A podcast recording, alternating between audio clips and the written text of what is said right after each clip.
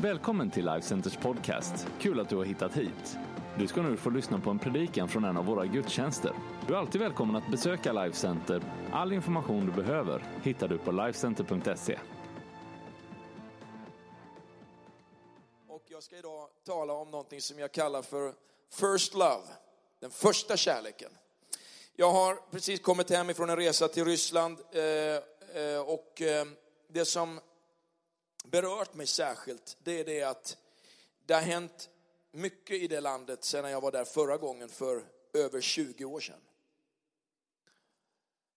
Jag började resa till Östeuropa eh, redan innan muren föll, slutet på 80-talet och eh, det som kallas för perestrojkan och det som, som hände med eh, Andropov och det som var Gorbatjovs eh, maktövertagande och starten på det som blev en upptidning av eh, relationer till väst, kanske också trycket ifrån eh, en eh, kapprustning som eh, gjorde slut på pengarna och kassan som gjorde det omöjligt att fortsätta med ett system som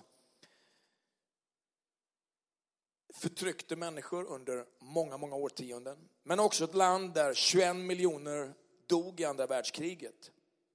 Som har levt under ett tryck som Gud på grund av att vi predikade evangelium och det öppnade sig för biblar och nya kyrkor har skapat en fantastisk förändring och man ser ett enormt välstånd när man besöker de stora städerna som Moskva eller Sankt Petersburg. Fantastiska saker som händer.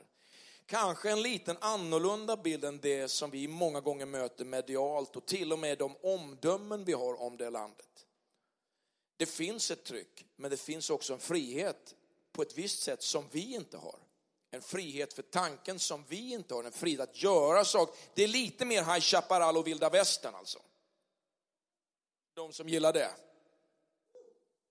Men det finns också en tyngd och ett tryck va? Som, som vi inte lever under i friheten att kanske kunna uttrycka sina tankar på, på, på eh, det sätt som man kanske själv önskar.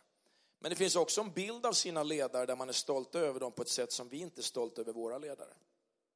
Och det finns en, på det sättet en paradox va, i ett samhälle som vi möter faktiskt också här. Svensken säger att man tror inte på Gud, jag är inte religiös, men ändå så är det det man greppar efter när man ligger på dödsbädden eller man inte kan svara på de stora frågorna. Man brukar säga på att en, på en religionsskala så finns det det som handlar om sekulärt, alltså icke Guds eh, fokuserat eller troende och det som är då eh, troende, gudsinkluderande på en skala. Inte alltså sekulärt och det som är gudsfokuserat. Och sen på den andra skalan brukar man tala om det som är individualistiskt, det som är jag, mig, mitt och det som bara handlar egentligen mera om de praktiska, faktiska, hårda fakta, överleva, pengar, mat. Och då brukar man säga att Sverige och Ryssland är precis på samma skala när det gäller det sekulära. Det är två sekulära nationer. Men svensken ligger i ena änden av den andra skalan. Det som handlar om att jag känner, jag upplever, jag är inte bekräftad. De frågorna pratar vi inte så mycket om när man besöker Ryssland. Utan då handlar det om pengarna, maten, dagen, överlevnaden.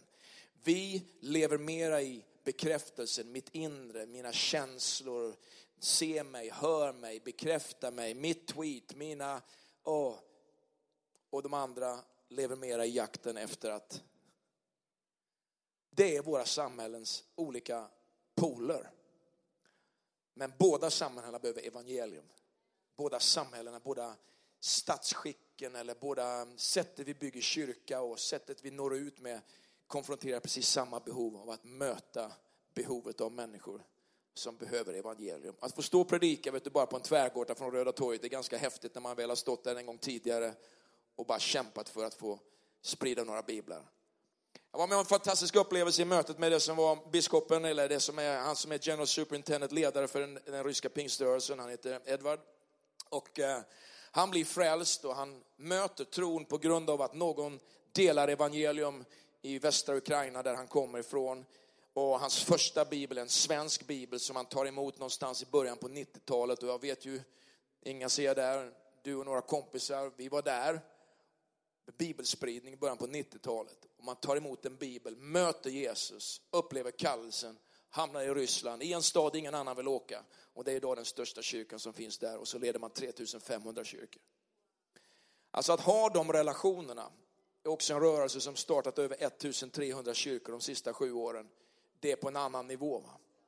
Det handlar om någonting som vi behöver fånga, som vi har ägt som nation och som kristenhet. Och det är passionen för Jesus. Och det är passionen för att människor behöver evangeliet.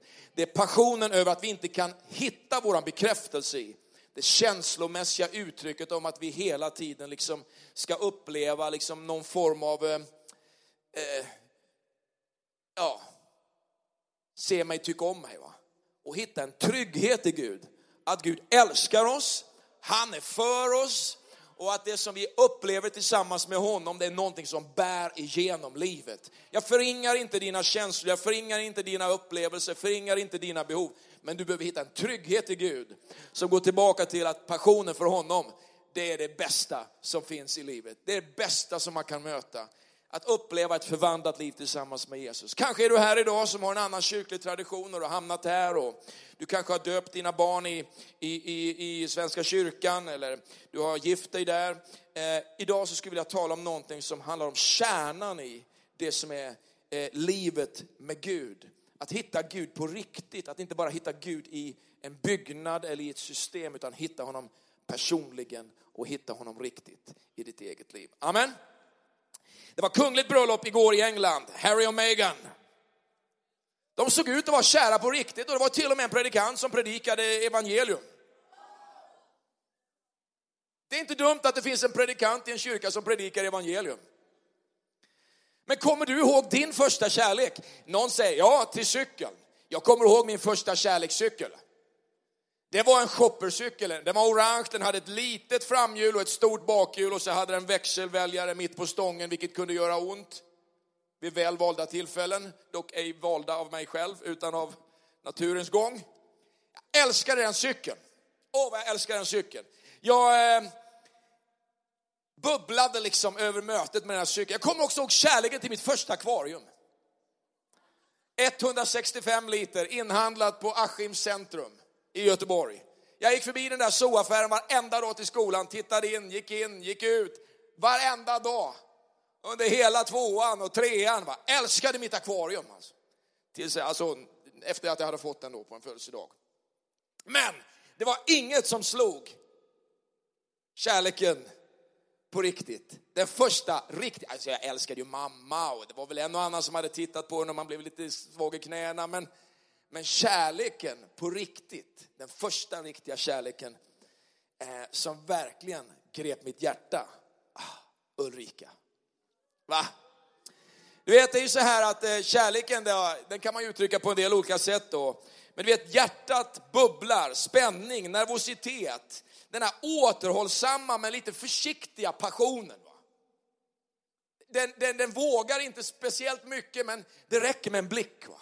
Och så blir man alldeles knäsvag. Eller bara om någon säger någonting till en. Hallå? Har ni varit med här eller? Är det någon här som har varit med om den där, när det bara, ja det bara hände. Ja, visst. tack för supporten. Man bara längtar att vara tillsammans. Den tid man bara ser det fina, vackra och sköna, det gör jag naturligtvis nu också, men där allt är bara charmigt och att bara se liksom det där leendet tillbaka, honey. Så oavsett vad hon ber en om så säger man, ja visst säger man. Kommer ni ihåg den tiden, en del av er som är gifta här? Den tiden hon ber dig om någonting, ja visst. Hon kan bara liksom sitta på en plats och man äter någonting och så säger hon, åh vad gott det är med blåbär. Och man fångar signalen. Alltså man fångar signalen och är det liksom då rätt tid på året så är, så är det ju 20 liter blåbär plockade dagen efter för man fångade signalen. Därför att den första kärleken, den gör en liksom knäsvag på ett sätt som inte bara är sådär intellektualiserat eller analyserat, den bara ger sig till någonting. Blåbär är gott. Oh. Kärleksbrev Ulrika, det har du sparat några tror jag. Jag har inte sparat några, men du har det. Jag hoppas de är i säkert förvar. Ska vi läsa tillsammans Bibeln?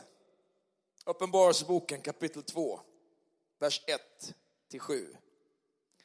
Skriv till ängeln för församlingen i Efesos.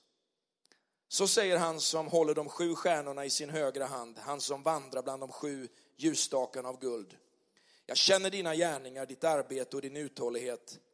Jag vet, inte att du, jag, vet att, jag vet att du inte kan tåla onda människor. Du har prövat dem som kallar sig apostlar men inte är det. Och du har funnit att de är lögnare. Ja, du är uthållig. Och du har uthärdat mycket för mitt namns skull utan att tröttna. Men jag har en sak emot dig. Att du har övergett din första kärlek. Kom därför ihåg varifrån du har fallit och vänd om och gör dina första gärningar. Annars, om du inte vänder om, kommer jag till dig och flyttar din ljusstake från dess plats. Men den fördelen har du att du har hatat Nikolaiternas gärningar som också jag hatar. Du som har öron, hör vad anden säger till församlingarna. Och den som segrar ska ge att äta av livets träd som står i Guds paradis. Herre, lys på det här ordet. Hjälp mig att förklara det här på bästa sätt, Herre, så att det blir begripligt och att det blir kraft, Herre. Tackar dig helige Ande för att du också hjälper människor att lyssna inombords, Herre, till det du talar om, Herre. För att förstå den här texten så behöver vi en text till. Och den står bara precis före och den kommer här. Detta är hemligheten med de sju stjärnorna som du såg i min högra hand och de sju ljusstakarna av guld. Det är en bild, ett bildspråk som Johannes använder. De sju stjärnorna är de sju församlingarnas änglar och de sju ljusstakarna är de sju församlingarna. Det här är en text ifrån Uppenbarelseboken, den sista boken i Bibeln. En väldigt stark bilderbok där, där eh, aposteln Johannes är landsförvisad till en ö utanför Efesos som heter Patmos. Och han tar emot en syn när han finns där. Och han skriver hela den här boken, Uppenbarelseboken, utifrån den bild han ser. Och, eh, när han då skriver den här boken så, eh, så är det väldigt, väldigt tydligt att den har en, har en mottagare. Och det är de här församlingarna som finns i mindre Asien, nuvarande liksom Turkiet och, och, och, och delar liksom av den ska vi säga, kända kristna världen. Och han skriver till de här sju kyrkorna på ett sätt som talar om deras fördelar, men också om det som de kämpar med, det de behöver dela med i sina liv. Och adressaten är ganska enkel, det står att han ska skriva till ängeln för församlingen i Efesos. Och ängel, det är ingenting annat än församlingens pastor, därför att ordet ängel, angelos, det betyder också budbärare. Så att det, det är inte liksom att pastorn är en ängel, men han är en budbärare till församlingen. Han är en mottagare och ska förmedla det här vidare till kyrkan.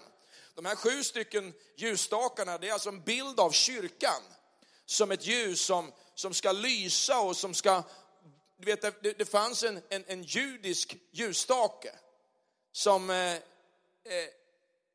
stod i templet.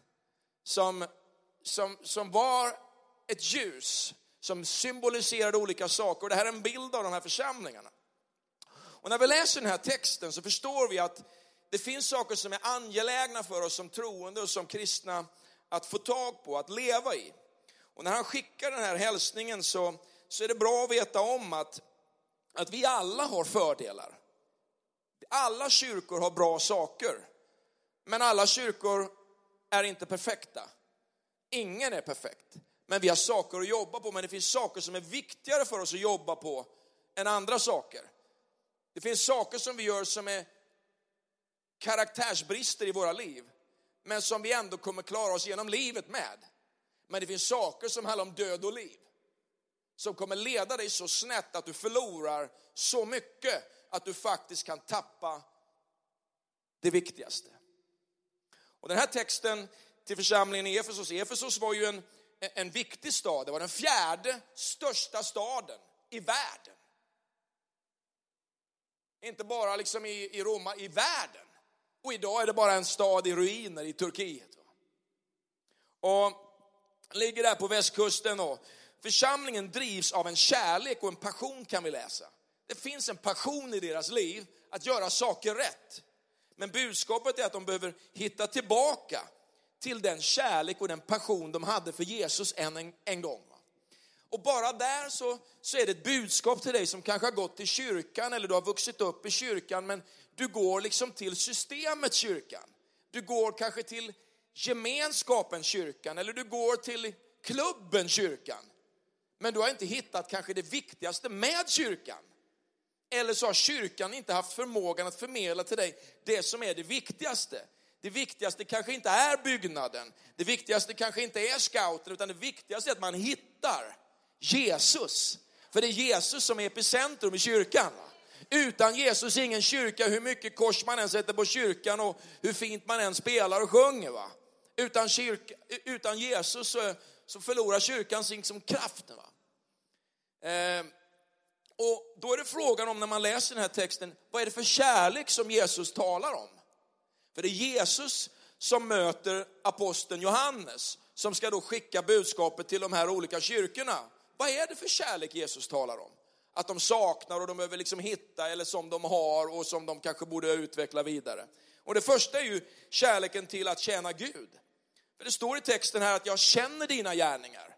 Alltså Jesus vet vad vi gör. Han vet vad kyrkan gör. Han vet vad kyrkan håller på med. Och han står att han känner gärningen och han känner uthålligheten. Han vet att de är liksom hang tough, va? De hänger i. De vet att det är ett gäng som tror på Gud och, och de hänger i. De vill liksom, de är där va. Och eh, de vill göra saker rätt. Eh, och när han talar till dem så säger han så här, du tröttnar inte. På engelskan står det, när man läser den engelska bibeln så står det, you never wear out. Alltså, du, du, du fejdar inte ut, du, du går inte liksom bara, eh, eh, du springer inte bara liksom fyra av fem varv på banan. Eller du springer inte bara det loppet och så slutar det liksom innan upploppet har kommit. Utan you never wear out. Du hänger i. Och, och Jesus tycker det är bra. Jesus älskar när du hänger i. Jesus älskar långkörare. Och vad Jesus älskar långkörare. Jesus gillar liksom människor som hänger i. Man kan halta någonstans, liksom. det kan börja lite halvdant, men du vet, hänger man i så kommer man få uppleva saker. Så Jesus älskar det. Men, och, och så står det så här, du vägrar att ge upp. Va? Refusal to quit. Alltså man är ingen, det är en skön kyrka. Va?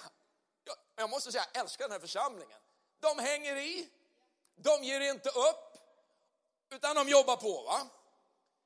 Men när man då tittar på kyrkan här så, så, så är det ju faktiskt så här att, att uthållighet, det är bra. Och, och det säger Bibeln också. En uthållighet i det vi gör, det har en stor lön. Det, det, leder till en stor lön, säger Bibeln. Men kärleken till Gud, den visar ju sig på olika områden i våra liv. Till exempel att vi gör goda saker. Vi arbetar för Jesus. Att vi gör det uthålligt. Och, och Jesus tycker det är kanon. det Han uppmärksammar det och han uppskattar det. Det är ju kärleken till den här världen som gör att Jesus lämnar en himmel och gör sitt arbete för att frälsa världen. Eller hur? Jesus gör ju ett arbete. Han säger, min mat är att göra hans vilja som har sänt mig. Fadern, Gud fader, sänder sin son för att göra ett jobb här. Och eh, så är det också för oss som har mött Jesus. Vi blir inte frälsta för att vi gör ett jobb. Men när vi har mött Jesus så kallar oss, Jesus oss till ett arbete för honom. För att vi ska älska det han älskar. En värld som utan honom är förlorad. Och vårt arbete är att, att expandera Guds rike i en värld som behöver honom. Så att när du, när du är, du, du är liksom först objektet för Guds kärlekshandling. Sen är du liksom förmedlaren av Guds kärlek till andra människor. Och det är den här underbara multiplikationen kommer in. En del människor säger, varför ska vi alltid hålla på att dela Jesus? Du pratar om att vi ska dela Jesus med människor. Kan inte bara en kyrka som älskar varandra? Jo, det ska vi vara. Vi ska älska varandra. Absolut, vi ska ta hand om varandra. Mer än någonsin. Men den som säger så att man inte kan göra det ena utan det andra, va? eller bara det ena eller det andra, den har fel. Det är både och. Det är inte från ena diket till andra diket, det är mitt på vägen tillsammans med Jesus som vi kallar att gå. Och när jag ser det här så förstår jag att för dig och mig som har mött Jesus så gör vi ju det vi gör för att vi älskar honom. Och för att vi älskar det han älskar, människor. Så kärleken till att tjäna Gud är någonting som är viktigt och som Jesus talar om här. Det andra han talar om det är kärleken till det som är sanning. Och lyssna noga på mig här. De älskar det äkta.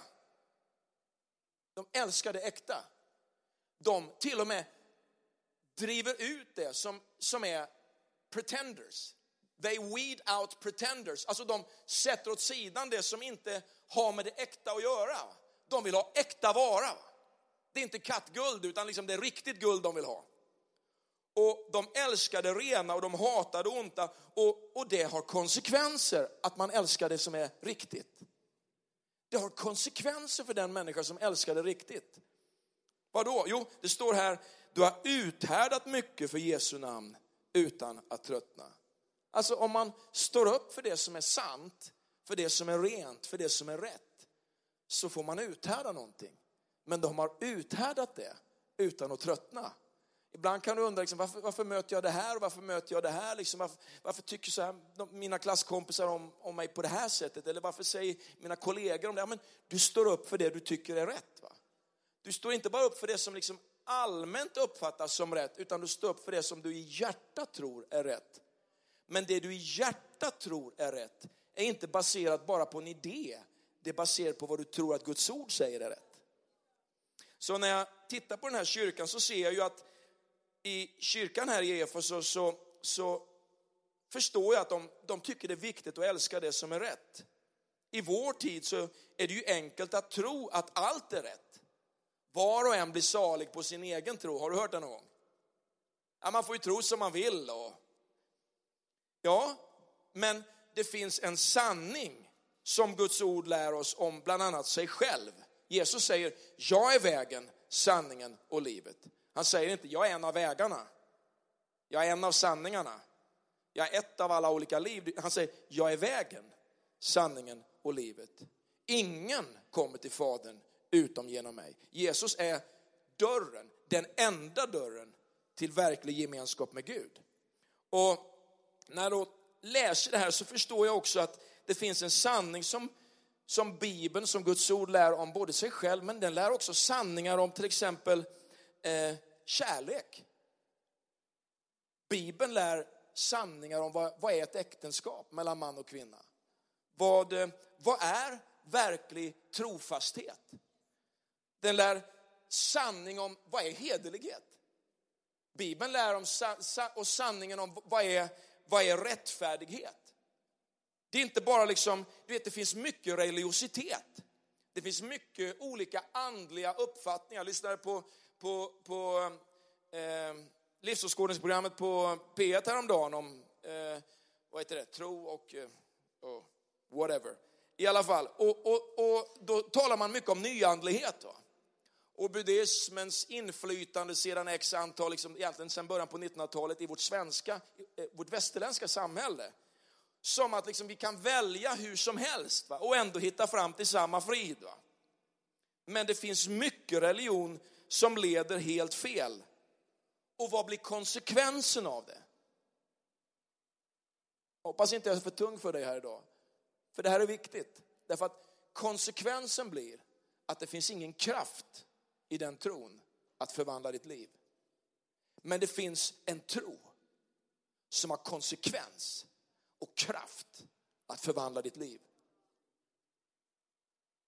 Det finns många troende som lever kraftlösa liv, men det finns en tro på Jesus som kan ge dig kraft till ett förvandlat liv. Som kan ge dig kraft att förändra din tillvaro. Som kan ge dig kraft att hitta mål och mening med ditt liv. Så de älskade sanning den här kyrkan. Du vet, Bibeln säger så här att summan av ditt ord är sanning. Psalm 119, vers 160. Jag tycker det är väldigt skönt för att det är inte många bibelversar där man får använda sig av sex stycken siffror. Psalm 119, vers 160. Summan av ditt ord är sanning. Vad betyder det? Att liksom, ja, jag summerar lite och väljer liksom det som jag vill ha och som är sanning. Nej, hela Guds ord är sanning. Hela Guds ord är sanning. Och när jag förstår det här så, så säger bland annat den bok vi läste, huvudbibelordet här idag, att vi ska inte lägga till något och vi ska inte dra ifrån något. Utan summan av ditt ord är sanning. Det finns skrivet vad som är sanning. Till exempel, ska vi som kyrka ha rätt att kalla oss en biblisk trovärdig kyrka? så måste man predika att Jesus är Guds son. Man måste predika att Gud kom till oss så vi kan komma till honom. Att han är född på det sätt han är född.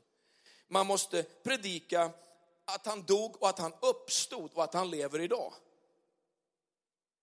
Om det ska finnas kraft i det vi predikar. Man måste predika att, att man kan inte sluta predika att det är bara genom Jesus man kan uppleva frälsning. Och man kan inte eh, undvika att nämna att det finns en himmel och en evighet tillsammans med Gud. Men också att det finns ett helvete bort ifrån Gud. Varför? Jo, vi predikar och bör predika och skall predika det som är sanning. Den här kyrkan älskade sanning. Så det är jätteviktigt för oss att hålla fast vid ett evangelium som har kraft att ge dig ett förvandlat liv. Sitter du fast i droger, sitter du fast i missbruk, sitter du fast i en lång radda av bara havererade förhållanden och äktenskap. Men hur ska du kunna uppleva förändring? Förvandling? Har du liksom framgång i allt? Har du stålarna, har du liksom titlarna, har du, har du jobbet, liksom, men ändå känner dig otillfredsställd? Hur ska du uppleva verklig förändring? Jo, förändring, det upplever du när evangelium kommer in i ditt liv. När Jesus förvandlar ditt liv. När Jesus gör någonting nytt i ditt liv. Och det finns bara i en förkunnelse och en predikan om att Jesus är svaret på det som du behöver. Det tredje jag tänker på är att de älskade Jesus mer än någonting annat och de borde i alla fall göra det. För de talar här om den första kärleken. Du vet att tappa den första kärleken beskriver faktiskt den här texten som ett Alltså, det är inte ofta jag predikar så här, ni vet det. Men den beskriver det som ett avfall. Va? Alltså att man, man går på rätt väg, men när man tappar den kärleken så går man på fel väg. Så starkt beskriver den här texten just det här att de har tappat kärleken.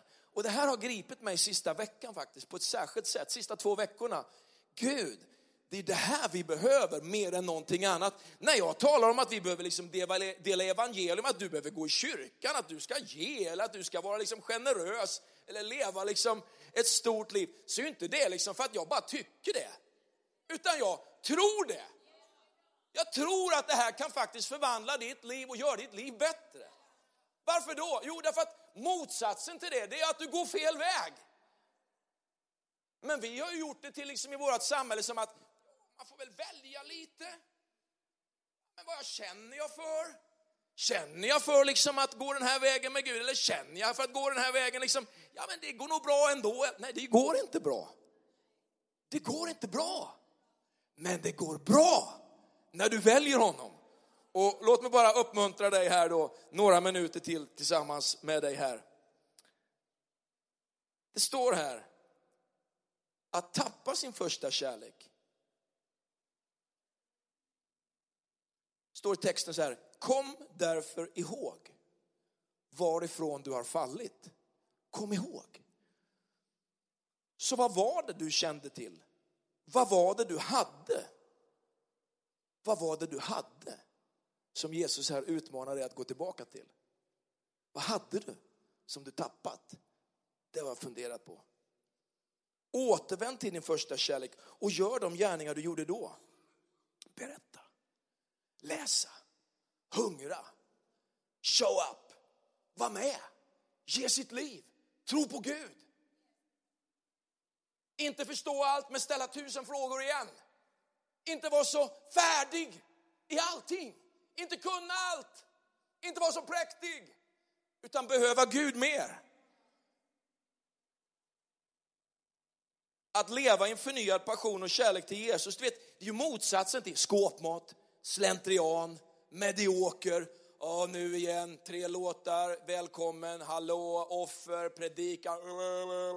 När slutar mötet? Vad är potatisen? Vad blir det på tv ikväll? Det är motsatsen till det. Det är hunger. Och varför är det så viktigt? Jo, det står ju, alltså det, är, det, är, det är för mig, vet jag är ju jägare va. Det här är ju jakten efter ett levande byte va. Det är ju en fisk till. Ja, men du fick ju en nyss. Nej, det är en till. Det är ett krön till. Det är en säsong till. Ja, men du älskar att bygga hus. Ja, det är bygg ett hus till. Det är ett barnbarn till, höll jag på att säga. Det är inte, det är inte mitt beslut. Men, men det är en till. Det är en vecka till. Det är ett år till. Det är en människa till. Det är en förvandlad unge till. Du som är lärare. Det är en till. Därför att motsatsen står här i vers 5. Annars, om du inte vänder om, kommer jag till dig och flyttar din ljusstake från dess plats. Vad betyder det? Är det ett hot eller? De sju ljusstakarna var ju de sju kyrkorna i den här regionen. Någonstans förstår jag att det här handlar om att om vi inte har passionen, Hung!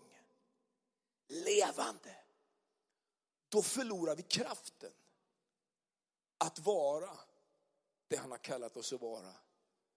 Och så flyttas liksom auktoriteten och ljuset från där man är någon annanstans. Och människor kommer alltid dras till ljuset. Och så får man sitta kvar i sitt mörker och undra, vad tog allting vägen? Vad tog det vägen i mitt liv? Vad tog det vägen i vår kyrka? Vad tog det vägen i Sverige? Men Jesus, han uppmuntrar oss att söka det där fräscha igen. Det där härliga igen. Det där brinnande igen. Det där bubblet igen i våra egna liv. Passionen. Och vi hittar liksom nyckeln här i Guds eget ord. Va?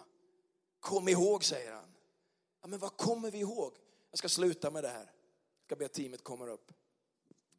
Kom ihåg. Vad kommer du ihåg? Jo, kommer du ihåg hur det var i början? När du var nyförälskad i din tro eller i ditt beslut för Gud. Kommer du ihåg det? När det där bubblet fanns där. Vad har du gjort för förändringar jämfört med hur du levde då? Som kanske har fått dig att tappa det bubblet. Vad har blivit svagare i ett liv som var starkare då? Är du kallare idag till andliga saker än vad du var då? Då behöver du faktiskt komma ihåg det. Och då behöver du omvända dig, säger Bibeln. Från din okänslighet mot Gud. Det betyder att man behöver tänka om. Man behöver ta emot förlåtelse och man behöver göra det man gjorde innan. Och vad är det? Jo, det är att göra det viktigaste först. Att göra det viktigaste först. Att sätta först. Det, det berör tid, plats, ordning, viktighetsgrad. Att göra de gärningar med en insats som jag en gång gjorde. Det är det viktigaste att sätta först. Att prioritera rätt. Och att faktiskt göra de gärningar som är designade för att våra liv ska vara brinnande och levande. Du vet, tillbe Gud, be, älska hans ord, tjäna andra människor, att vara frimodig, att tro, att fortsätta tro och att hänga i. Amen. Ska vi ställa oss upp allesammans?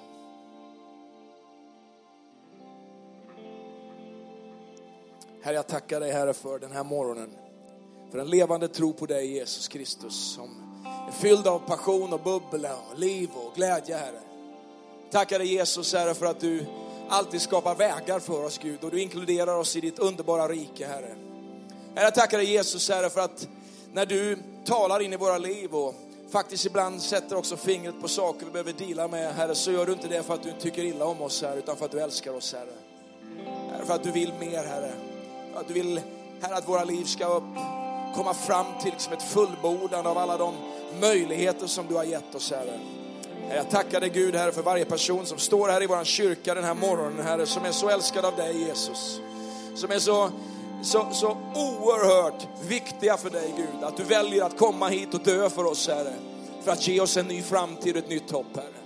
Här just nu Jesus så ber jag för varje människa som bara längtar efter att hitta tillbaka till den passionerade Jesus-tron som vill göra den här sommaren till den bästa sommaren Herre. Den här sommaren till en sommar när du åter talar på nytt genom ditt ord Herre. En sommar när vi får prisa dig med en ny frimodighet i våra hjärtan och dela dig med människor som behöver dig. Herre, jag välsignar varje människa som står här idag som behöver inkludera dig i sitt liv. Kanske för första gången och säga Jesus, jag tror på dig. Jag väljer inte ett system, jag väljer dig personligen Jesus, du min vän. Och jag tackar dig Herre för att du här hör varje människas bön och rop. Ska vi göra så här att vi ska lovsjunga tillsammans med teamet, men jag skulle bara helt enkelt vilja säga att vi i hela vår kyrka här, som vill göra det här till vår identitet, att vi vill verkligen leva för honom på ett passionerat, förnyat sätt. Att vi bara går med i lovsången nu. Låt det här få bli en sak mellan dig och Herren. Jag avkräver inte något beslut liksom inför människor, utan låt din tillbedjan till honom få bli det svar som du ger den här söndag förmiddagen i Guds hus. Ska vi göra så att vi bara lyfter våra händer och lovsjunger honom om du vill vara en del av det här och låta den förnyelsens vind som blåser, bara också blåsa över ditt liv. Tack Jesus. Herre, vi hyllar dig, Herre. Vi upphöjer ditt namn, Herre. Herre, jag tackar dig för första kärleken, Herre. Jesus, passionen för dig, Herre. Vi älskar dig, Jesus, Herre.